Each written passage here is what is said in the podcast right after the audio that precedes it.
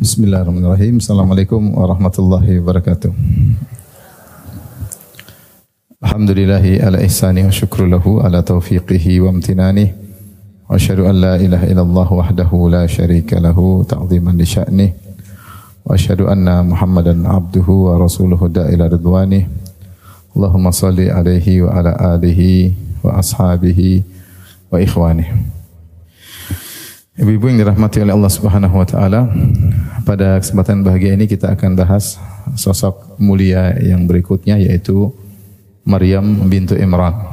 Yang pada pertemuan lalu telah kita singgung bagaimana ibunya itu Hannah yang kemudian bernazar ingin memiliki anak lelaki agar bisa berkhidmat kepada Baitul Maqdis namun ternyata Allah pilihkan yang lain. Allah pilihkan anak perempuan yaitu Maryam yang ternyata di balik lahirnya Maryam ini ada hal-hal yang eh, kemuliaan-kemuliaan uh, yang Allah berikan kepada uh, keluarga Imran yaitu akan lahir seorang nabi yang bernama Isa bin Maryam yang nabi tersebutlah nabi yang mulia yang akan turun dari langit di akhir zaman untuk membunuh Dajjal. Uh, pembahasan tentang Maryam binti Imran, pembahasannya panjang.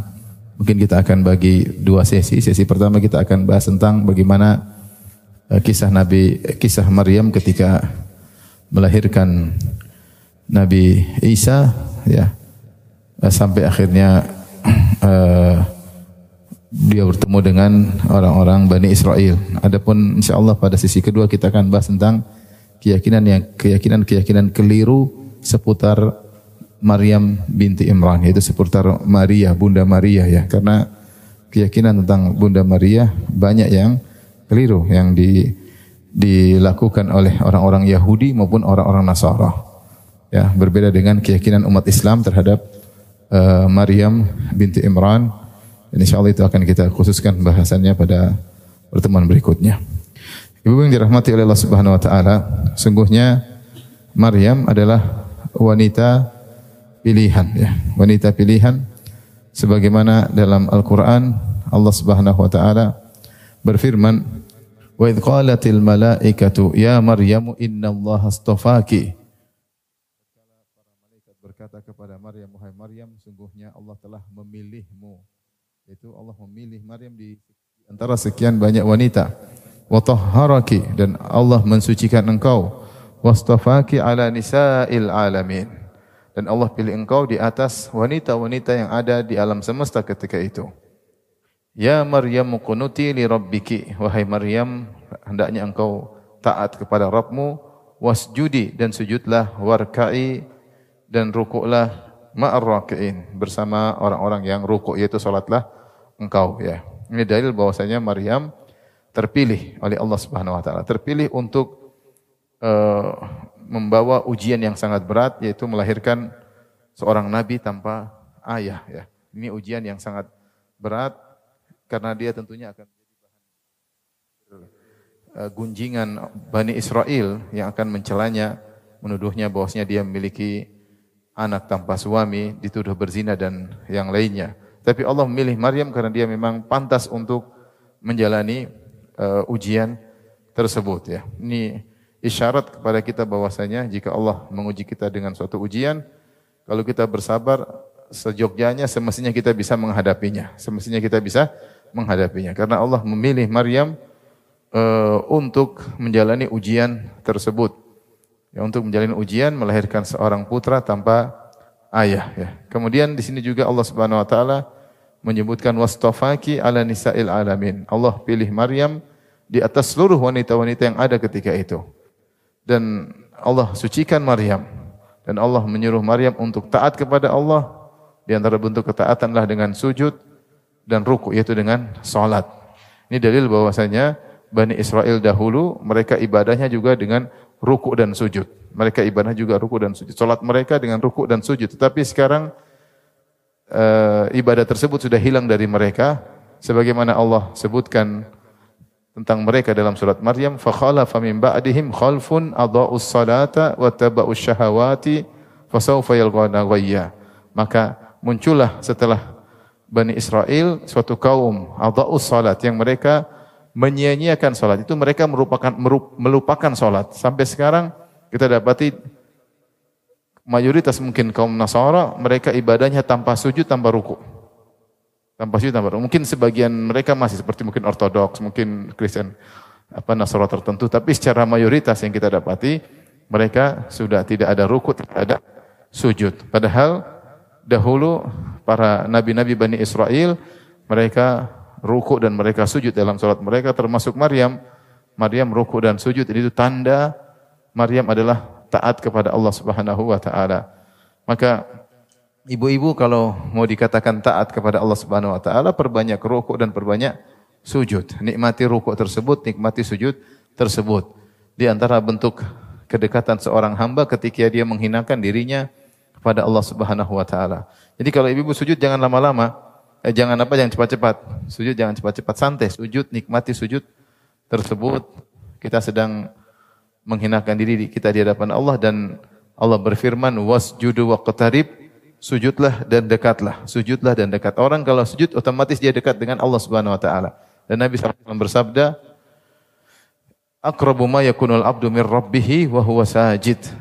kedudukan seorang yang paling dekat dengan Robnya ketika sedang sujud.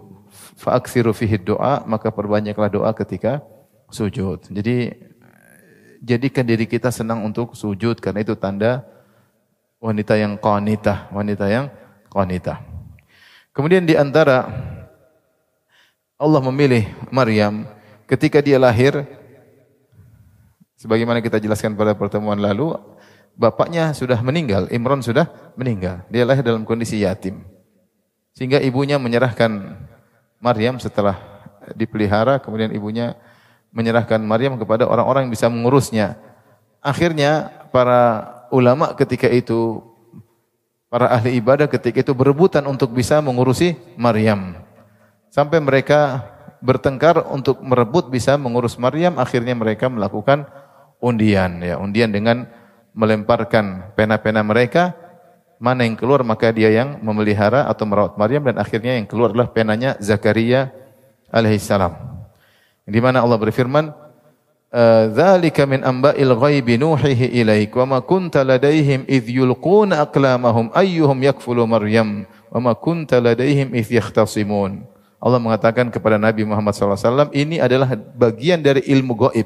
Kisah tentang Maryam ini ilmu gaib karena masa lalu.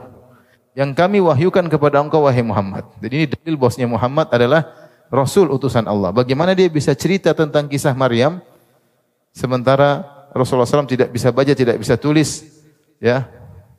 Dan apalagi ketika masih di Mekah, beliau tidak pernah berinteraksi dengan orang-orang uh, Yahudi, ya. ya. Bagaimana dia bisa tahu tentang kisah Maryam secara detail? Maka Allah mengatakan, "Dzalika min amba'il ghaibi nuhuhi ilaik." Ini adalah kisah gaib tentang masa lalu yang kami wahyukan kepada engkau wahai Muhammad. Wa ma kunta ladaihim. Kau tidak hadir wahai Muhammad. Idh yulquna aklamahum ayyuhum yakfulu Maryam. Ketika mereka sedang undian, kemudian mereka melemparkan pena-pena mereka di sungai atau di danau, siapa di antara mereka akan merawat Maryam? Kau tidak hadir peristiwa tersebut. Wa ma kunta ladaihim idh yakhtasimu dan kau tidak hadir ketika mereka sedang bertikai atau bersengketa rebutan untuk mengurus apa? Maryam. Jadi ini di antara dalil akan kerasulan Nabi Muhammad SAW. Dan kita tahu dalam Al-Quran banyak Rasulullah SAW ceritakan kisah-kisah tentang Bani Israel yang tidak terdapat dalam Bible sekarang. Tidak terdapat dalam Bible sekarang ya. Bahkan seperti kisah Nabi Yusuf, bahkan lebih detail daripada yang ada di Bible dalam sebagian pembahasan. Seperti kisah Maryam, bagaimana Nabi Isa bisa berbicara tidak disebutkan dalam Injil-Injil yang ada sekarang tidak ada. Tapi ada dalam apa? Al-Quran. Ini dalil bahwasanya Muhammad SAW adalah utusan Tuhan. Kalau tidak dari mana dia tahu kisah ini? Dari mana dia tahu kisah? Kisah ini. Ya. Makanya saya sering sampaikan ada seorang pendeta Yahudi kalau tidak salah dia mengatakan Muhammad utusan Tuhan. Buktinya apa? Buktinya dia tinggal di Mekah, dia tidak bisa baca, tidak bisa tulis, tidak pernah berinteraksi dengan Bani Israel. Kok bisa cerita tentang kisah Bani Israel? Dari mana dia tahu? Kalau bukan ada Tuhan yang menyampaikan kepada dia. Cuma orang Yahudi tidak beriman kepada Muhammad. Karena kata mereka Muhammad nabinya orang Arab. Muhammad nabinya orang Arab. Nabi kita harus dari Bani Israel. Tapi dia mengaku itu nabi. Dia mengakui Muhammad lah nabi. Buktinya bagaimana dia bisa tahu kisah Maryam dengan detail? Dari mana tahu? Dari mana? Tahu. Oleh karenanya uh, yang saya sampaikan sini di antara bentuk istifa, di mana di antara bentuk Allah memilih Maryam, Allah menjadikan orang-orang ketika itu cinta sama Maryam padahal dia baru lahir ketika itu. Sehingga mereka rebutan untuk mengurusi Maryam. Dan akhirnya yang ngurusi adalah Zakaria alaihissalam. Tapi di antara dalil-dalil tentang keutamaan Maryam dalam sunnah Nabi sallallahu alaihi wasallam di antaranya Rasulullah SAW mengabarkan bahwasanya Maryam adalah sebaik-baik wanita di zamannya. Kata Nabi SAW, khairu nisa'il alamin, sebaik-baik wanita alam semesta. Sebaik-baik wanita alam semesta. Arba, ada empat wanita. Yang pertama Maryam bintu Imran. Maryam bintu Imran yang sedang kita bahas kisahnya. Yang kedua wa Khadijah bintu Khuwailid. Khadijah bintu Khuwailid istri Rasulullah sallallahu alaihi wasallam. Yang ketiga Fatimah bintu Muhammad. Fatimah putri Muhammad. Yang keempat Asiyah tumra'atu Fir'aun. Asiyah istrinya siapa? Fir'aun. Ini empat wanita terbaik seluruh wanita alam semesta. Yang pertama siapa? Maryam bintu Imran. Yang kedua siapa? Khadijah. Yang ketiga Fatimah. Yang keempat Asiyah. Ketika saya menyebutkan ini, ini wanita terbaik dalam semesta. Harusnya ibu-ibu ingin tahu kenapa mereka menjadi terbaik. Untuk ibu-ibu tiru. Mereka adalah contoh-contoh yang Allah eh, buat untuk kita para wanita agar bisa ditiru ya. Bukan cuma dibaca kisahnya tapi juga ditiru. Kenapa Maryam menjadi wanita terbaik? Kenapa Khadijah menjadi wanita terbaik? Kenapa Fatimah menjadi wanita terbaik? Kenapa Asia menjadi wanita terbaik? Baik, demikian juga dalam hadis yang lain Rasulullah SAW mengabarkan bahwasanya Maryam termasuk wanita yang sempurna. Kata Rasulullah SAW dalam hadis Abu Musa al-Ash'ari, Rasulullah SAW bersabda, Kamulah minar rijal kathir. Banyak lelaki yang sempurna, banyak. Di antaranya para nabi, di antaranya para ulama. Walam yakmul minan nisa, tetapi yang sempurna dari kalangan wanita tidak banyak. Di antaranya kata Nabi walam yakun nisa illa tidak sempurna di kalangan wanita kecuali Maryam bintu Imran. Asiyah imra'atu Fir'aun. Kemudian kata Rasulullah SAW, fadlu Aisyah ala nisa ka fadli tharid ala sa'irit ta'am. Dan keutamaan Aisyah di atas para wanita seperti keutamaan tharid itu makanan yang lezat dibandingkan makanan-makanan yang yang lain. Di sini Rasulullah SAW mengabarkan di antara wanita yang sempurna adalah Maryam bintu Imran. Ya. Maryam bintu Imran. Kemudian juga Rasulullah SAW mengabarkan bahwasanya Maryam adalah para pemimpin wanita di surga. Kata Nabi SAW, Sayyidatu nisa'i ahlil jannah arba' Para pemimpin wanita di surga empat orang. Maryam, wa Fatimah, wa Khadijah, wa Asiyah. Maryam, wa Fatimah, wa Khadijah, wa Asiyah. Empat wanita, pemimpin wanita di surga. Kemudian di antara keistimewaan Maryam yang berikutnya, bahwasanya Maryam ketika lahir tidak diganggu oleh syaitan sebagaimana uh, Nabi Isa alaihissalam. Rasulullah SAW bersabda, "Kullu bani Adam yat'anu syaitan fi jambaihi bi asbihi hina yulad." Setiap anak Adam yang lahir pasti setan mengganggunya dengan menekankan jarinya di di lambung anak bayi. Kecuali Isa bin Maryam, ya. Kecuali Isa bin Maryam Zahaba yatan fatu'ana fil hijab. Setan ingin mengganggunya namun ternyata tidak bisa ya karena ada peng penghalangnya. Ya, karena ada pengha penghalangnya. Taib. Uh, Ibu yang dirahmati oleh Allah Subhanahu wa taala. Selanjutnya kita akan uh, menceritakan tentang bagaimana kisah Maryam ya uh, ketika akan melahirkan Nabi Isa alaihissalam karena dia telah terpilih untuk siap menjalankan mukjizat yang luar biasa untuk diuji dengan ujian yang sangat berat. Allah berfirman dalam surat Maryam ayat 16. Wadhkur fil kitabi Maryama idzin tabadat min ahliha makanan syarqiyah. Dan ceritakanlah wahai Rasulullah tentang kisah Maryam di dalam Al-Qur'an.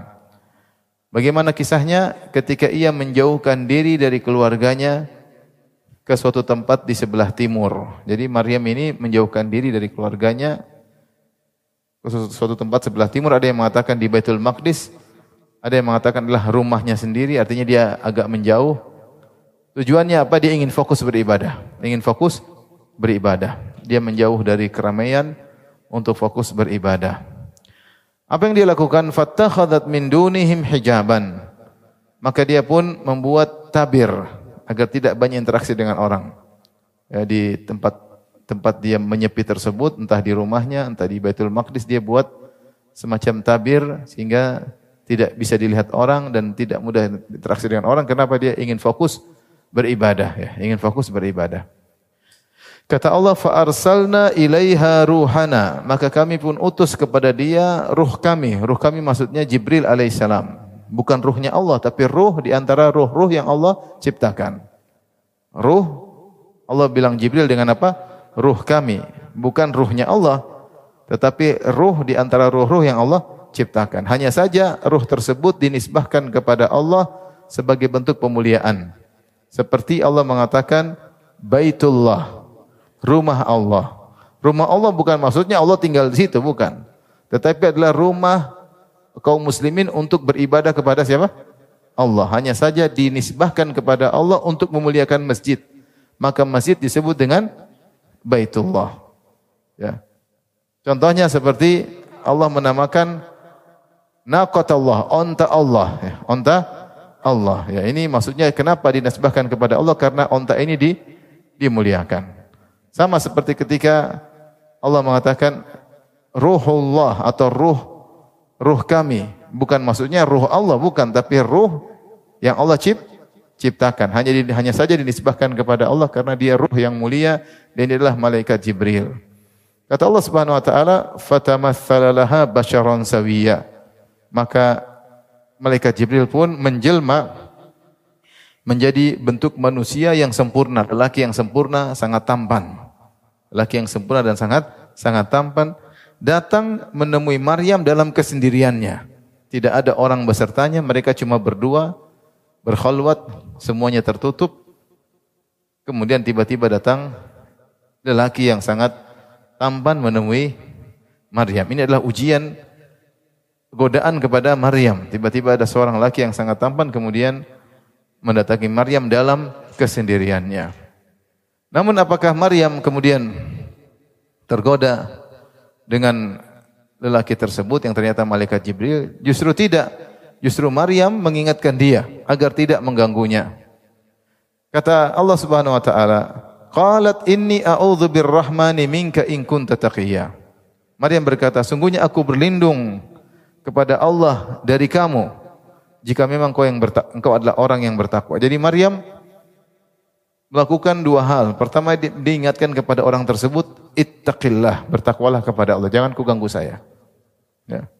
Yang kedua, dia berta'awudz, dia mengatakan a'udzu birrahman, aku berlindung kepada Allah dari gangguanmu. Dia dia melakukan ikhtiar agar tidak digoda dengan lelaki lelaki tersebut. Lelaki ini tampan masalahnya. Allah mengatakan basyaron sawiya. Maka berubahlah menjelmalah Jibril menjadi lelaki yang yang tampan. Dan Maryam tidak mengatakan, tafadhal ngobrol ada masalah. Tidak ada perlu apa. Mau bikin apa? Kopi, teh? Enggak. Enggak ya. Itu pintunya tutup lagi, tutup lagi. Enggak. Maryam langsung, dia langsung berlindung kepada Allah. Ya, dan ini godaan berat bagi Maryam. Sebagaimana lelaki bisa digoda dengan wanita, wanita juga bisa digoda dengan apa? Lelaki. Apalagi lelaki ini adalah lelaki yang tampan dan mereka bersendirian. Ya. Dan Maryam sudah dewasa, masih muda. Ya.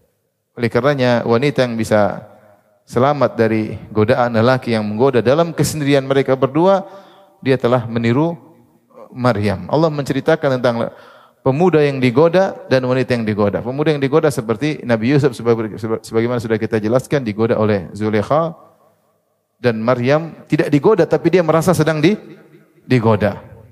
Jibril tidak menggodanya, alaihissalam, tapi dia merasa sedang digoda karena buat apa laki-laki tampan datang masuk tiba-tiba nyelonong ke tempat dia sementara tidak ada yang orang di situ. Ya. Tidak dijelaskan kapan datangnya Jibril, apakah di sore hari, apakah di malam hari.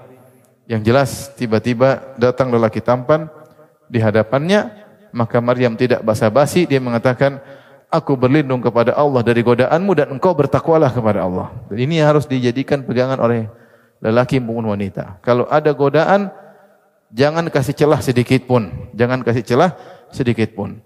Apa kata Zulekha tentang Yusuf? Dia mengatakan wala qad rawattuhu an nafsihi fasta'asam. Sungguh aku telah merayunya namun dia bersikeras bertahan. Fasta'asam, tidak kasih celah sedikit pun. Yang jadi masalah orang akhirnya terjerumus karena dia buka celah. Celah dia balas itu WA cewek dia kirim coba kirim biodatanya mau mulai mulai dia kasih celah uh, dan seterusnya ngobrol-ngobrol-ngobrol uh, akhirnya terbawa Demikian juga wanita, bagaimana dia tergoda karena dia kasih celah. Kasih celah kepada lelaki. Seandainya tidak kasih celah dari awal, dia tutup, selesai. Dia tutup. Ada kata-kata goda, langsung langsung blokir. langsung blokir. Jangan ragu-ragu. Ada contoh yaitu Maryam. Maryam bahkan bukan cuma cuma menjauh, bahkan dia nasihati. Dia bilang bertakwalah engkau kepada Allah. Dan dia mengatakan, A'udzubillah. Aku berlindung kepada Allah. Karena dia tahu bahwasanya seorang tidak bisa selamat kecuali dengan petunjuk Allah Subhanahu wa taala. Dengan petunjuk Allah Subhanahu wa taala. Maka lelaki maupun wanita sama-sama bisa tergoda.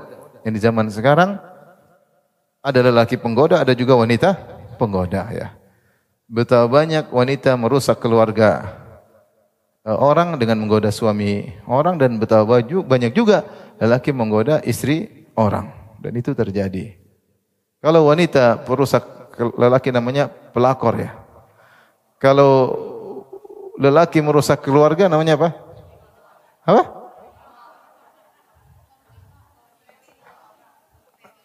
P? P minor, apa artinya?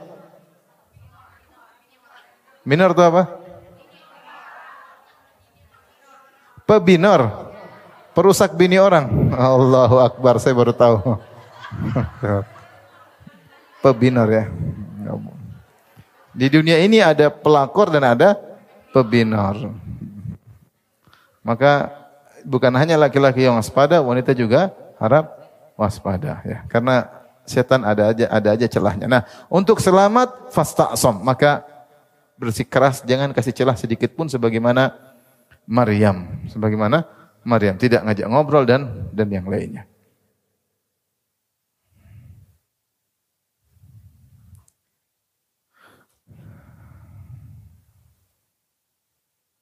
Dan ini sudah saya sering sampaikan ya, bagaimana kisah yang dicontohkan oleh dua sahabiat ya, kisah mulia di mana ketika terjadi kondisi yang harus mengharuskan lelaki dan wanita berdua yang bukan mahram maka mereka tetap menjaga diri. Karena kita terkadang terkondisikan harus berdua, nggak bisa apa-apa.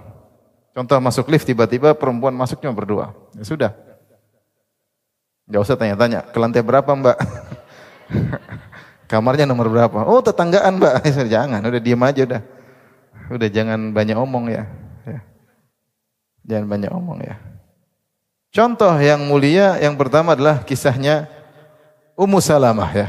Ummu Salamah yang berhijrah sendirian uh, menuju ke Mekah karena suaminya sudah lebih dahuluan hijrah ya. Maka dia pun berangkat sendiri menuju ke Mekah, dia bawa putranya Salamah. Maka dia berkata, perhatikan sini, dia mengatakan, Thumma kharajtu uridu zawji bil Madinah. Aku pun kemudian berangkat dari Mekah menuju Madinah, berhijrah dari Mekah menuju Madinah. Jarak antara Mekah Madinah 400 kilo, 450 km. Butuh perjalanan berminggu-minggu ya. Kalau pelan-pelan bisa sampai 8 hari, bisa seminggu. Wa mama ya ahadun min khalqillah dan tidak ada seorang pun yang menemaniku. Hatta idza kuntu bi ketika aku sudah berjalan sampai ke Tan'im, kira-kira 7 kilo dari Ka'bah, atau 6 kilo. Laqitu Utsman bin Talha bin Abi Talha. Aku bertemu dengan seorang laki namanya Utsman bin Talha bin Abi Talha, akha Bani Abdiddar dari kabilah Banu Abdiddar. Dan dia masih musyrik ketika itu. Dia masih musyrik. Dia baru masuk Islam setelah perjanjian Hudaybiyah kalau tidak salah tahun 8 Hijriah baru masuk Islam. Ini masih tahun sekitar 1 Hijriah atau masih awal-awal Islam ya. Maka dia bertanya, Orang ini musyrik tapi dia ingin tolong. Dia berkata, Ila aina ya bena ibnata Abi Umayyah? Hendak ke mana pergi wahai putri Abu Umayyah? Ummu Salamah bapaknya namanya Abu Umayyah. Hendak ke mana kau pergi? Dan dia tahu ini wanita ini punya suami namanya Abu Salamah. Qultu uridu zawji bil Madinah. Saya ingin pergi menuju suamiku di Madinah. Dia bertanya lagi, "Awa mama aka ahad? Adakah orang menemani engkau?" Qultu ma ma'i ahadun illa Allah wa ibni hadha. Tidak ada yang menemaniku kecuali Allah dan putraku ini. Kemudian dia berkata, "Wallahi malaki min matrak." Terjadi obrolan, tapi obrolan seperlunya, boleh atau tidak boleh? Kata orang musyrik ini, "Wallahi malaki min matrak." Kau tidak boleh ditinggalkan sendirian. Fa akhadha bi khatamil ba'ir, maka dia pun pegang tali ontaku kemudian dia bawa berjalan ya, menemaniku. Apa kata Ummu Salamah? "Wallahi ma sahibtu rajulan minal Arab qat ara annahu kana akrama minhu." Aku tidak pernah berjal, ber, ber, melakukan perjalanan dengan seorang lelaki pun dari kalangan Arab yang lebih mulia daripada orang ini. Kok bisa dikatakan sangat mulia? Apa kata Ummu Salamah? Kana idza balagal manzil ana khabi thumma istakhara anni hatta idza nazaltu istakhara bi ba'iri fahatta anhu thumma qayyadahu fi syajar. Kalau kita sudah berjalan jauh kemudian dia ingin kita ingin mampir maka dia pun menurunkan ontaku kemudian dia menjauh setelah dia menjauh, aku pun turun. Aku pun cari tempat istirahat. Setelah aku menjauh cari istirahat, dia datang lagi, kemudian dia bawa ontaku, kemudian dia ikat. Jadi dia ikat. Kemudian dia berkata, "Thumma tanah ila syajarah fattaja'a tahtaha." Kemudian dia pun istirahat di pohon tersebut. Fa idza dana rawah qama ila ba'iri faqaddamahu farahalahu thumma istakhara anni wa qala irkabi. Kalau sudah waktunya lanjutkan perjalanan, dia pun lepas ontanya, kemudian dia pasang pelananya, kemudian dia arahkan ontanya kepadaku, kemudian dia menjauh, dari jauh dia berkata silakan naik. Dia menjauh dulu baru dia mengatakan silakan silakan naik. Fa idza raqibtu fastawaitu ala ba'iri ata fa akhadha khitami. Jika aku sudah naik, sudah berada di atas ontaku, maka dia pun baru datang, baru dia bawa tali kekang ontaku kemudian tuntun aku sampai tiba di Madinah. Falam yazal yasna'u dzalika bi hatta aqdamani al-Madinah dan dia tidak ada kegiatan lain kecuali itu. Tidak ada ngobrol-ngobrol, tidak ada jagongan, tidak ada minum kopi bareng, tidak ada minum teh bareng, tidak ada. Dia tidak ada kegiatan kecuali itu sampai tiba di kota Madinah. Kemudian dia melihat uh, kampung Bani Amr bin Auf di Kuba, dia berkata, "Zawjuki fi hadhil qaryah." Suamimu di kampung ini. Fadkhiliha ala barakatillah. Silakan masuk. Kemudian uh, Suman sarafa raja ila Kemudian dia balik ke Mekah. Sudah selesai. Dia antar kemudian balikkan ke ke Mekah. Tidak ngobrol-ngobrol di jalan. Lalu mereka hanya berdua. Padahal satu ini musyrik sementara Ummu Salamah wanita muslimah dan Ummu Salamah berkata, ya. Wa ma ra'aitu sahiban qad kana akrama min Uthman bin Talha. Aku tidak melihat, tidak pernah melihat seorang yang menemani perjalanan yang lebih mulia daripada Uthman bin Talha. Maksud saya, ini contoh dicontohkan oleh Ummu Salamah dan Uthman bin Abi Talha ketika harus terjebak dalam kesendirian pun mereka tidak menjadikan sarana untuk kemudian ketawa ketiwi ngobrol sana ngobrol sini mereka ada obrolan tapi secukupnya. Mau ke mana? Ada teman enggak? Ya sudah saya temani. Silakan naik. Itu aja cukup cukup jalan. Ini kampung suamimu, silakan pergi ke kampung tersebut. Ini contoh ya. Demikian juga yang dilakukan oleh Sofan bin Mu'attal As-Sulami ketika Aisyah radhiyallahu taala anha terlambat karena dia mencari kalungnya akhirnya rombongan sudah pergi, Rasulullah SAW rombongannya sudah pergi, Aisyah tertinggal. Ada seorang sahabat yang memang ditugaskan untuk di paling belakang untuk ngecek kalau ada barang-barang yang hilang namanya Safan bin Attal As-Sulami. Dari kejauhan dia lihat ada Aisyah. Aisyah ketika itu sudah tertidur dan wajahnya terbuka. Maka Sofwan mengenal Aisyah. Maka Sofwan cuma ngomong satu perkataan. Inna lillahi wa inna ilaihi rajiun. Dia keraskan suaranya supaya Aisyah bangun. Aisyah pun terbangun dan dia berkata, tu wajhi, saya pun tutup wajahku." Kemudian dia antar Aisyah sampai Madinah, tidak ada ngobrol-ngobrol di tengah jalan. Maksud saya, Ibu rahmatillah, saya bukan mengajarkan kita kaku, kita kasar. Kita orang Indonesia mudah ngobrol, mudah senyum, mudah tertawa ya. Tapi ada tetap ada batasan. Tetap ada batasan ya. Bahwasanya syaitan bisa menggoda kapan saja. Sebagaimana ada pelakor, ada juga pebinor. Pebinor ada ya. Maka seorang jangan bergampangan. Semakin tidak berinteraksi dengan lelaki itu lebih baik. Tidak semakin tidak berinteraksi dengan lawan jenis itu yang lebih lebih baik dan lebih utama. Dengan demikian hati kita lebih nyaman, hati kita lebih bahagia. Daripada kita berinteraksi dengan orang lain, akhirnya kita terjebak dengan hubungan yang tidak syar'i. Hubungan tidak syar'i bukan harus berzina, bukan harus. Di antaranya obrolan di WA yang ketika kita ngobrol kita merasakan syahwat, kelezatan dalam obrolan tersebut. Padahal bini orang. Padahal laki orang. Bisa terjadi, bisa. Mungkin dengan bukan dengan WA, dengan telepon. Kita telepon, ketawa ke TV, padahal bini, bini orang. Bini sendiri, cepat mah, cepat mah. Habis sibuk, papa sibuk. Sama bini orang, eh tunggu dulu bu, tunggu dulu.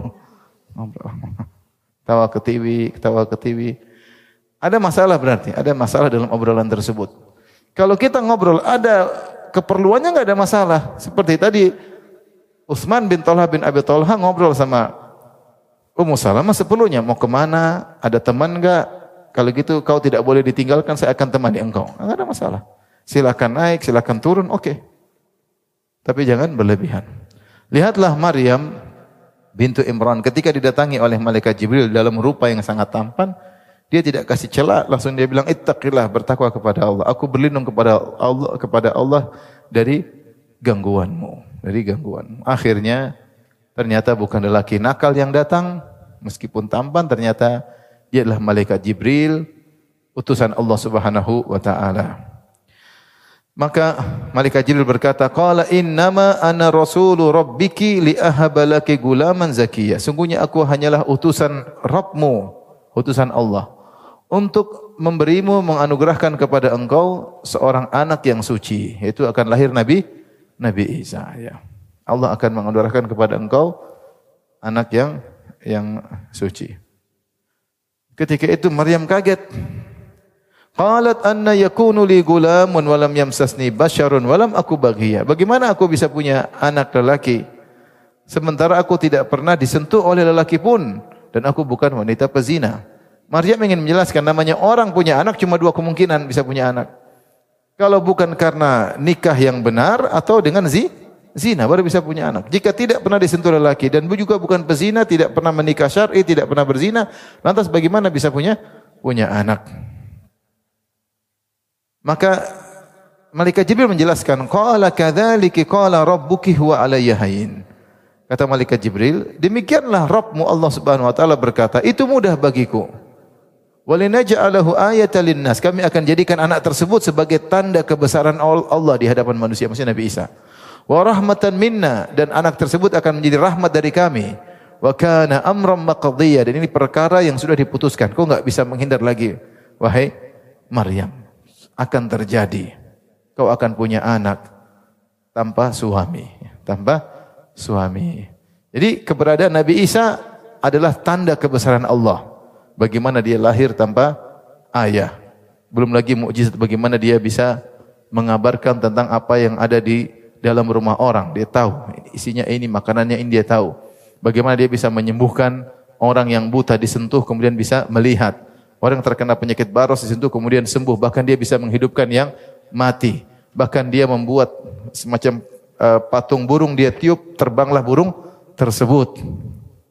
Ini tanda bahwasanya dia utusan Allah. Ini rahmat bagi bagi manusia dengan diutusnya Nabi Isa ya.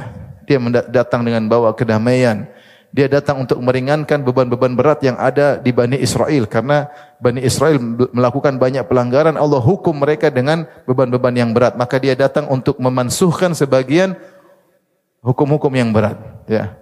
Kata Allah Nabi Isa akan berkata wali uhilla lakum ba'dalladzi harrima alaikum. Untuk menghalalkan sebagian perkara yang diharamkan atas kalian. Jadi dia rahmat. Dia muallim al khair pengajar kebaikan Nabi Isa alaihissalam. Pokoknya kamu harus mengandung anak tersebut karena amran maqdiyah sudah diputuskan oleh Allah Subhanahu wa taala. Akhirnya Maryam pun menerima hal tersebut. Dari sini karena pembicaraan Jibril kepada Maryam, sebagian ulama berpendapat bahwasanya Maryam adalah nabi perempuan. Tapi ini pendapat yang keliru. Ini pendapat Ibnu Hazm. Ibnu Hazm seorang ulama namun dia bisa keliru. Dia mengatakan ada nabi perempuan. Yang benar nabi hanya laki laki-laki. Ma arsalna min qablika illa rijalan nuhi ilaihim min ahlil qura. Kami tidak mengutus seorang nabi pun sebelum engkau wahai Muhammad kecuali para lelaki. Kecuali para lelaki. Adapun malaikat Jibril ngobrol dengan uh, Maryam bukan berarti kalau malaikat bicara dengan seseorang kemudian orang tersebut menjadi apa? Nabi. Ya. Bukankah dalam hadis malaikat bicara dengan sebagian orang soleh Atau tidak? Tidak harus malaikat ngobrol dengan seorang kemudian menjadi nabi. Lagi pula malaikat Jibril tidak sedang menyampaikan syariat kepada Maryam, tidak, tapi hanya menyampaikan bahwasanya kau akan punya punya anak. Maka disebutkan malaikat Jibril pun kemudian meniupkan ruh ya dengan perintah Allah Subhanahu wa taala melalui apa namanya baju Maryam maka akhirnya Maryam pun mengandung. Apa kata Allah Subhanahu wa taala? Fahamalathu fantabadat bihi makanan qasiyya. Maka mulailah ujian menimpa Maryam. Dia pun mengandung Nabi Isa. Maka dia pun menjauhkan dirinya, dia pergi ke tempat yang jauh. Fantabadat bihi makanan qasiyya, dia bawa kandungannya dalam perutnya, dia menjauh dari orang-orang, takut ketahuan. Karena kalau orang melihat, pasti semua mencaci maki. Lah, ini kata katanya wanita soleha. Ini katanya diurus Zakaria. Ini katanya anaknya Imran. Katanya mamanya soleha. Kok sekarang hamil tidak punya suami? Dan orang tidak akan bisa mengerti akan hal ini. Orang tidak akan bisa mengerti. Daripada daripada menghadapi orang-orang yang tidak bakalan mengerti, mending dia pergi. Apa kata dunia kalau Ini wanita terkenal sangat soleha, sangat rajin ibadah. Tahu-tahu muncul mengandung. Apa kata dunia? Enggak bisa dia menghindar. Daripada dia sulit menghadapi orang-orang dalam pembicaraan, mending dia menjauh. Dan ini di antara fikih. Ibu-ibu kalau dituduh macam-macam, dijelaskan enggak mau jelas, ya sudah. Sakarapmu. Saya serahkan hanya kepada siapa? Allah. Tidak semua tuduhan bisa kita jelaskan. Apalagi yang menuduh tersebut orang-orang yang benci sama kita. Tetap saja dia memandang kebaikan kita dengan keburukannya. Ya. ya. Wa aina sukhti tubdil masawiya. Nah, pandangan kalau udah pandangan buruk pasti dia cari-cari keburukan. Mau kita jelaskan kalau enggak suka tapi aja enggak suka. Kalau gitu enggak semua perkara harus kita jelaskan. Kalau bisa menghindar menghindar. Maryam daripada daripada mending dia menjauh. Ini ujian yang sangat berat yang akan dihadapi oleh Maryam. Kemudian dia menjauh selama sembilan bulan mengandung. Normal. Ada yang mengatakan 8 bulan, ada yang mengatakan 6 bulan, tapi Allah alam bisa harusnya dia mengandung secara normal, yaitu 9 9 bulan. Maka saat tiba saatnya dia melahirkan. Kata Allah Subhanahu wa taala, "Fa aja'ahal makhadhu ila jid'in nakhlah." Maka rasa sakit memaksa dia untuk bersandar kepada pangkal pohon korma. Dia berjalan tiba-tiba si kecil Isa ini melakukan makhot. Makhot itu gerakan-gerakan. Ya. Jadi gerakannya nendang kayak mau keluar. Sampai rasa sakit tersebut dia tidak tahan. Akhirnya dia harus bersandar kepada pangkal korma, jid'in nakhlah. Zahirnya pangkal korma tersebut tidak ada buahnya, tidak ada daunnya. Zahirnya dia uh, lagi rusak karena Allah tidak mengatakan fa'ajaha ahal makhadhu ila nakhlah maka rasa sakit tersebut membuat dia bersandar kepada sebuah pohon korma. Tapi Allah mengatakan jid'in nakhlah. Dia bersandar kepada pangkal apa? Korma. Zahirnya itu korma yang sudah rusak, tidak ada buahnya. Faham? Tidak ada buahnya. Dia cari tempat sandaran karena sudah tidak kuat. Sepertinya mau melahirkan. Maka ketika itu Maryam berkata, Qalat ya laitani mitu qabla hadha wa kuntu nasyam mansiya. Dia sedih sekali. Dia mengatakan seandainya aku meninggal sebelum ini. Seandainya aku tidak merasakan ujian ini. Seandainya aku adalah seorang yang tidak berarti yang di, dan dilupakan. Bukannya dia, para ulama mengatakan, Maria mengatakan demikian, seandainya saya mati sebelum terjadi kejadian ini. Seandainya aku hanyalah wanita yang terlupakan. Tapi sulit, dia dikenal oleh orang semua. Dia dikenal oleh Bani Israel wanita saleh. Bagaimana tidak dikenal? Bapak dia Imran, pimpinan para ulama. Ibunya Hanna, wanita soleha. Yang ngurusin dia Nabi Zakaria. Gimana tidak terkenal? Tapi dia dikenal, ini problem. Dan dia bingung apa yang harus dia katakan di hadapan orang-orang. Sehingga dia mengatakan seandainya saya meninggal sebelum sebelum ini. Kata para ulama karena dia takut imannya goyang. Dia bukan takut maksudnya sakit karena menderita bukan. Rasulullah SAW pernah berkata, "La yatamannayanna ahaduk ahadukum al-mauta li dhurrin nazala bihi." Janganlah sesekali seorang pun dari kalian kalau sedang mendapat mudarat kemudian minta mati. Kata Rasulullah enggak boleh. Lagi sakit kena kanker atau ya Allah matikan aku enggak boleh. Enggak boleh. Lagi apa kayak lagi kelilit utang kemudian Ya Allah matikan aku. Orang nagih terlalu banyak. Tidak boleh. Tidak boleh. Harus tegar menghadapi. Kalau orang, orang, kafir banyak, begitu masalah langsung ke rel kereta api selesai. Ya. Atau hara kiri krek krek selesai. Ya. Bunuh diri ya. Minum minum baygon ya. Kalau orang Islam nggak boleh. Kalaupun dia sudah enggak kuat, hendaknya dia berkata, Allahumma ahyini in kanatil hayatu khairan li, ya Allah hidupkanlah aku jika memang hidup baik bagiku, wa tawaffani in kanatil wafatu khairan li, wafatkan aku jika itu lebih baik. Tapi jangan bilang matikan aku, matikan aku. Kalau dia memang harus berdoa, maka doanya seperti serahkan kepada Allah. Ya Allah, kalau aku hidup lebih baik, hidupkan aku. Kalau aku mati lebih baik, matikan aku. Maryam tidak demikian. Dia dia bukan karena bukan karena sakit atau yang lain, tapi dia takut imannya goyang. Karena orang akan menuduh dia yang tidak. Taib. Akhirnya, ya.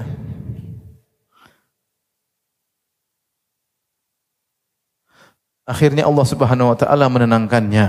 Kata Allah, "Fanadaha min tahtiha alla tahzani." Maka dia pun menyeru menyeru kepada Maryam. Dia menyeru kepada Maryam. Dianya ini siapa? Ada khilaf di kalangan para ulama. Ada yang mengatakan Jibril, ada yang mengatakan Isa. Jadi Isa ketika menjelang lahir dia sudah berbicara dari bawah. Jadi dia sudah menghibur ibunya. Dia mengatakan Allah tahzani, jangan sedih wahai ibunda. Qad ja'ala rabbuki tahtaki sariya. Sungguhnya Allah telah menjadikan aliran air sungai di bawahmu. Ketika itu dia mau melahirkan dia haus dan dia lapar dan dia tidak kuat. Kemudian kelaparannya kata Isa bin Maryam dari dalam perutnya wa huzzi ilaiki bijid'in nakhlah tusaqit alaiki rutaban janiyya goyangkanlah ya pangkal korma tersebut batang korma tersebut niscaya rutop akan jatuh kepadamu dan kau bisa makan. Fakuli washrabi wa qarri aina. Makanlah rutop tersebut dan minumlah dari sungai tersebut. Wa qarri aina dan bersenanglah hatilah engkau, berbahagialah. Fa imma tarayna minal basyari ahadan. Kalau kau bertemu dengan seorang pun fakuli maka jangan ngomong bilang kepadanya inni nadartu lirrahmani sauman falan ukallimal yauma insiya. Aku telah bernadar kepada Allah aku tidak akan ngomong sama seorang pun. Ada yang mengatakan ini suara Nabi Isa keluar dari perutnya sebelum dilahirkan. Ada yang mengatakan Jibril alaihissalam. Sebagian ulama memandang itu suara Nabi Isa. Sehingga dia tahu Nabi Isa sudah bisa berbicara sebelum dilahirkan. Dan ini pertolongan dari Allah Subhanahu wa taala saat-saat genting dan betapa sering demikian pertolongan baru datang ketika di saat-saat apa? Genting. Ketika seorang pasrah, dia tahu tidak ada yang bisa menolong kecuali Allah Subhanahu wa taala. Dia fokuskan hatinya kepada Allah, dia hanya pasrah kepada Allah, maka taat ilu pertolongan pertolongan datang. Tapi, maka terjadi mukjizat. Mukjizat yang pertama tiba-tiba ada sungai mengalir. Sungai kecil mengalir. Untuk dia ambil tinggal minum. Mukjizat kedua, Maryam disuruh menggoyangkan batang korma, tiba-tiba ada rutop yang jatuh untuk dia, dia makan. Namanya batang korma tidak bisa digoyang. Kita laki-laki saja kalau goyang batang korma, kormanya goyang atau tidak? Tidak, kita yang goyang, bukan apa? Batang korma kan keras, gimana goyang? Kita yang goyang, bukan batang korma yang goyang. Tetapi Allah menyuruh Maryam untuk ikhtiar meskipun apa yang dia mampu. Coba aja goyang aja. Berusaha untuk ikhtiar. Maka meskipun secara secara fisik tidak mampu tapi dia tetap usahakan. Ternyata benar ketika dia goyang jatuhlah rutop. Jatuhlah rutop. Padahal rutop itu tidak mudah untuk jatuh ya. Tapi itu jatuh kemudian dia mudah untuk makan. Ini semua mukjizat untuk penghibur Maryam. Makanya Isa berkata, "Fakuli washrabi wa qarri aina." Makanlah dan minumlah dan berbahagialah. Tenanglah hati Maryam. Di tengah-tengah puncak kegelisahan dia pun tenang. Kemudian kalau kau ketemu seorang siapa pun, bilang saya tidak mau ngomong hari ini dengan siapa pun, saya sudah bernadar kepada Allah. Seakan-akan Nabi Isa berkata, nanti urusan saya. Nanti urusan saya. Kalau ada yang tanya-tanya, nanti urusan saya. Karena kalau Maryam pun ngomong, tidak ada yang mau percaya. Bilang ini anak muncul tiba-tiba, saya mau percaya. Nggak ada yang percaya. Baik.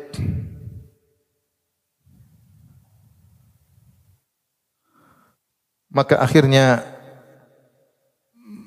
lahirlah Nabi Isa, digendonglah oleh Maryam. Saatnya ujian, dia pun datang menuju ke kaumnya. Dia harus datang ke kaumnya. Kata Allah, fa'atat bihi qaumaha tahmiluh. Maka dia pun mendatangi kaumnya sambil menggendong putranya tersebut. Qalu ya Maryamu laqad ji'ti syai'an fariya. Mereka mulai mencela sebagaimana yang diduga. Wahai Maryam, sungguh engkau telah melakukan perbuatan yang sangat mungkar. Bisa punya anak tanpa suami. Mereka mencela lagi kata mereka, "Ya ukhta Harun, ma kana abuki ra'asauin wa ma kanat ummuki baghiya." Wahai saudarinya Harun, bapakmu dulu orang baik bukan orang buruk, ibumu juga wanita soleha bukan pezina. Kok bisa kamu melakukan perbuatan seperti ini? Sini ada pembahasan. Pembahasan pertama, mereka mengatakan Maryam dengan ya ukhta Harun, wahai saudarinya apa? Harun. Kita tahu Nabi Harun, Nabi Musa zamannya jauh dari Maryam. Nabi Isa jauh di bawah Nabi Musa jauh. Setelah Nabi Musa masih Nabi Yusha bin Nun, kemudian Nabi-Nabi yang lain, masih ada Nabi Sulaiman, Nabi Daud, Nabi Sulaiman, kemudian Nabi-Nabi Nabi baru Nabi Isa yang terakhir. Nabi Bani Israel yang terakhir siapa Nabi? Isa. Jadi jarak antara Nabi Musa dengan Nabi Isa mungkin ribuan tahun, pokoknya jauh sekali. Maksudnya Nabi eh, Nabi Isa tidak sezaman dengan Nabi Harun. Namun kenapa mereka mengatakan kepada Maryam, wahai saudara Harun. Wahai saudari Harun. Ya ukhta Harun. Maka ada dua pendapat di kalangan para ulama. Ada yang mengatakan, ya ukhta Harun. Wahai saudari Harun. Maksudnya Maryam dan Harun satu suku. Satu suku. Dan ini istilah orang Arab. Kalau dia mengatakan, ya akhal Arab. Wahai saudara orang Arab. Maksudnya dia termasuk dari orang orang Arab. Seperti tadi, akho Bani Abdiddar, maksudnya dari keturunan saudara Bani Abdiddar, maksudnya keturunan suku Bani Abdul Abdiddar. Jadi Maryam dan Harun satu suku. Bani Israel 12 apa? Suku. Dan di antara suku yang terkenal dari sukunya Maryam, orang yang terkenal adalah Nabi Harun. Ini pendapat. Ada yang mengatakan Maryam keturunan Harun. Allah alam bisa. Intinya dia dari satu suku dengan Harun. Pendapat pertama. Pendapat kedua, dan ini yang lebih benar bahwasanya Maryam uh, punya saudara ya, mungkin punya sepupu, punya kerabat yang namanya Harun. Dan Bani Israel suka menamakan anak-anak mereka dengan nama-nama nabi. Ketika terjadi diskusi antara Nabi Muhammad SAW dengan kaum Nasara dari Bani Najran, dari Najran, mereka berkata, "Innakum taqra'una ya ukhta Harun wa Musa qabla Isa bikadza wa kadza." Mereka bilang, "Kalian orang Islam gimana? Kalian baca dalam surat Maryam, Maryam dikatakan ya ukhta Harun wahai saudari Harun. Padahal kita tahu jarak antara Harun dengan Nabi Isa jauh. Maka Rasulullah SAW menjawab, "Innahum kanu yusammuna bi anbiya'ihim salihina qablahum." Mereka itu Bani Israel suka menamakan anak-anak mereka dengan nama-nama nabi dan orang-orang soleh sebelum mereka. Jadi Harun di sini yang dimaksud bukan Nabi Harun, tetapi ada kerabat Maryam yang namanya siapa? Harun. Bukan Nabi Harun, tapi orang yang dinamakan dengan nama Nabi Harun. Taib. Di sini mereka berkata, Maryam kok kamu bisa hamil? Bapakmu orang baik, kau keturunan Harun, ibumu wanita soleha. Kok bisa kamu melakukan kemungkaran yang besar? Ini sebagaimana pepatah mengatakan buah jatuh tidak jauh dari apa? Pohonnya. Buah jauh tidak. Nah bagaimana pohonnya baik, kok buahnya busuk? Ini di pertanyaan. Dia, mereka heran. Pohonnya baik, buahnya busuk. Kamu keturunan Harun, Nabi Harun, Nabi yang mulia. Bapakmu Imran, pimpin para ulama. Ibumu Hannah, wanita soleha. Kamu diurus oleh Zakaria, kok bisa kamu begini? Dan ini menguatkan bahwasanya mereka berbicara secara eh, secara wajar bahwa biasanya bahwasanya biasanya anak itu buruk karena orang tuanya. Itu benar. Kalau orang tuanya baik biasanya anak juga juga baik. Karena yang pengaruh orang tua luar biasa. Makanya mereka mengatakan ini bibitnya kok baik kok hasilnya nggak baik. Ya. Ini peringatan kepada kita bahwasanya pengaruh orang tua terhadap anak sangat sangat besar. Maka ibu-ibu hendaknya bertakwa kepada Allah. Ajak suami bertakwa kepada Allah agar anak kita anak yang soleh dan soleha. Kalau kita tukang maksiat, suami kita tukang maksiat, khawatir anak kita juga tukang apa? Maksiat. Karena buah jatuh tidak jauh dari pohonnya. Dan itu benar. Kalau ibunya kerjaannya main game terus, anaknya main game juga. Main game. Kalau ibunya suka nonton Korea, anaknya juga nonton apa? Korea. Wajar lah. Kalau ibunya suka baca Quran, anaknya suka baca Quran. Kalau ibunya kerjanya branded-branded terus, anaknya juga branded-branded lama-lama jadi bandit. Wajar. Kenapa? Dia ikut pola hidup orang tuanya. Benar ini? Benar. Buah tidak jatuh tidak jauh dari pohonnya. Ibu-ibu pohon, jadilah pohon yang baik. Jangan sampai anak-anak jadi buruh gara-gara ibu-ibu. Kalau ibunya sering ngomongnya sombong-sombong, anaknya ikut nggak kira-kira? Ikut. Kalau ibunya suka ngomongnya besar-besar, oh saya begini, saya begini, saya begini, darah saya darah biru. Oh, ngomongnya anaknya pasti ikut. Karena itu yang didengar tiap hari. Makanya ibu-ibu nggak usah kayak gitu deh. Umur sudah tua-tua masih kayak gitu. Udahlah, udah. Udahlah ya.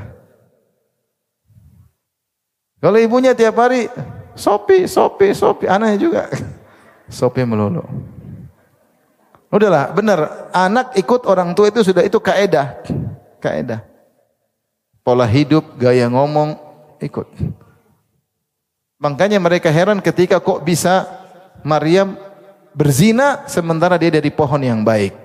Padahal Maryam tidak apa? Berzina. Situlah kemudian Maryam tidak bisa jawab. Fa asyarat ilaih suruh ngomong sama Isa bayinya. Hmm. Qalu kaifa nukallimu man kana fil mahdi madiya sobiya. Kata mereka bagaimana kita bisa ngomong sama bayi yang masih di digendong. Tiba-tiba Nabi Isa bicara. Qala inni abdullah, aku hamba Allah. Atani alkitab wa ja'alani nabiyya. Allah telah berikan aku alkitab yaitu in Injil. Wa ja'alani nabiyya. Allah jadikan aku seorang nabi. Wa ja'alani mubarakan aina ma kuntu. Allah jadikan aku berkah di mana pun aku berada. Di mana pun aku berada, aku ngajarin kebaikan. Di mana pun aku berada, aku bantu orang lain. Wa awsani bis salati wa zakati. Dan Allah wasiatkan kepada aku untuk salat dan bayar zakat madum tuhaya selama aku masih hidup. Wa barram biwalidati dan Allah wasiatkan kepada aku untuk senantiasa berbakti kepada iku, ibuku. Walam yaj'alni jabbaran syaqiyya. Allah tidak pernah buat aku menjadi orang yang sombong dan angkuh, terutama kepada ibuku. Diam Nabi Isa alaihissalam. Omongannya singkat, padat. Yang pertama dia ngomong, dia bilang, saya adalah hamba Allah. Dia tidak bilang saya Tuhan. Dia tidak bilang saya anak Tuhan. Tidak. Dia bilang saya hamba Allah. Dan dia bilang, saya ini di, diberikan Injil menunjukkan dia seorang rasul sebagaimana nabi-nabi yang lain ada kitab sucinya. Kalau dia Tuhan ngapain bawa kitab suci langsung ngomong aja, paham? Logikanya sederhana. Kalau dia Tuhan langsung apa? Ngomong, tidak perlu tunggu kitab suci. Yang dikasih kitab suci itu kalau utusan bawa surat dari Tuhan itu baru rasul. Tapi kalau dia Tuhan langsung ya nggak usah bawa kitab suci. Kemudian kalau Tuhan nggak usah sholat. Wa osoni bis salati. Tuhanku suruh aku untuk apa? Salat. Nah, kalau Tuhan salat berarti dia bukan apa? Tuhan. Saya punya teman sekarang dai di di Sumatera. Dia masuk Islam gara-gara dia melihat gambar Nabi Isa atau Yesus sedang berdoa di sebuah taman. Yesus pray in the garden ya. Dia sedang apa? Berdoa begini. Dia mikirlah ini Tuhan kok berdoa ya. Dia mikir. Tuhan ya tinggal ngomong aja ngapain minta-minta kan.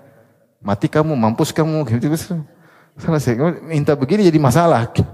Ada gambar Yesus begini. Membuat dia berpikir-berpikir akhirnya masuk Islam. Sekarang jadi dai. Kalau Tuhan ngapain disuruh? Salat. Kalau Tuhan ngapain suruh bayar zakat? Was zakat. Zakat sini ada dua penafsir. Ada yang mengatakan bayar zakat, ada yang mengatakan maksudnya mensucikan jiwa. Oh Tuhan sudah suci, ngapain suci-sucikan ji? jiwa? Wa barram biwalidati dan untuk berbakti kepada ibuku. Walam yaj'alni dan Allah menjadikan aku tidak sombong dan angkuh terutama kepada ibuku. Maka itulah Nabi Isa alaihissalam dan mukjizat. Kemudian Nabi Isa berkata, "Wassalamu alayya yauma wulidtu," keselamatan bagiku ketika aku lahir, wa yauma amutu dan keselamatan bagiku ketika aku meninggal, wa yauma ub'atsu dan keselamatan bagiku ketika aku dibangkitkan. Keselamatan meliputiku ketika lahir, ketika mati dan ketika di, dibangkitkan. Keselamatan. Allah beri keselamatan. Kemudian Allah mengatakan, "Dzalika Isa bin Maryam." Itulah Isa bin Maryam. Maka Nabi Isa ketika berbicara sejak kecil ini untuk membantah orang-orang yang menuduh Maryam berzina. Dan dalam aturan Bani Israel, siapa yang berzina dirajam? Siapa yang berzina di dirajam? Pertanyaan saya coba saya ajak ibu berpikir. Maryam kalau dia bisa ngomong, dia bilang saya tidak berzina, saya tidak berzina, saya tidak berzina. Kira-kira tetap dirajam atau tidak? Dirajam karena nggak ada bukti, bukti jelas. Ngomong banyak apa nggak bisa datangkan suami dirajam. Dan dia tidak akan bisa datangkan suami karena dia tidak punya suami. Maka satu-satu bukti yang bisa menyelamatkan dia dari dirajam adalah Isa berbicara. Jadi ini mukjizat luar biasa untuk menyelamatkan siapa? Maryam. Tetapi mukjizat Nabi Isa bisa ngomong masih kecil tidak ada dalam Injil, enggak ada. Tidak ada. Maka kita tanyakan kepada mereka, bagaimana Maryam bisa selamat? Padahal aturan undang-undang dalam Taurat siapa berzina di dirajam. Enggak ada cara. Maryam ngomong pun saya tidak berzina, mana buktinya? Mana suamimu? Enggak ada. Enggak ada yang percaya, pasti dirajam. Kenapa dia bisa selamat dari rajam? Karena ada mukjizat di situ. Mukjizat ini yang orang Islam tampakkan tapi tidak ada pada Injil-Injil yang ada sekarang. Injil Matius, Markus, Lukas, ya. Yohanes tidak ada. Tidak ada cerita bahwasanya Nabi Isa berbicara ketika kecil. Ada dalam Injil yang lain yang tidak diakui oleh mereka. Injil banyak, ada puluhan. Ada puluhan Injil tapi seluruhnya tidak diakui kecuali apa? Empat ini. Ini menunjukkan bahwasanya dalam sebagian perkara Islam lebih detail. Buktinya ada keutamaan Nabi Isa alaihissalam bisa berbicara yang tidak disebut dalam Injil-Injil yang ada sekarang. Baik, yang dirahmati Allah Subhanahu wa taala. Akhirnya Diketahuilah bahwasanya Maryam wanita solehah allati ahsanat farjaha yang menjaga kemaluannya, tidak ada yang pernah menyentuhnya. Tidak ada yang pernah berzina dengan dengannya, tapi dia seorang wanita yang menjaga diri. Nah, bagaimana kisahnya setelah ini? Setelah Nabi Isa lahir, kemudian berdakwah, ke mana Maryam? Terus apakah dia menikah setelah itu? Kapan dia wafatnya? Kemudian apa sih keyakinan-keyakinan yang timbul seputar Maryam? setelah dia meninggal dunia dan bagaimana bantahan-bantahannya akan kita bahas pada pertemuan berikutnya insyaallah taala. Allah alam bisawab. Ya, demikian saja. Subhanakallah bihamdik asyhadu wa. Assalamualaikum warahmatullahi wabarakatuh.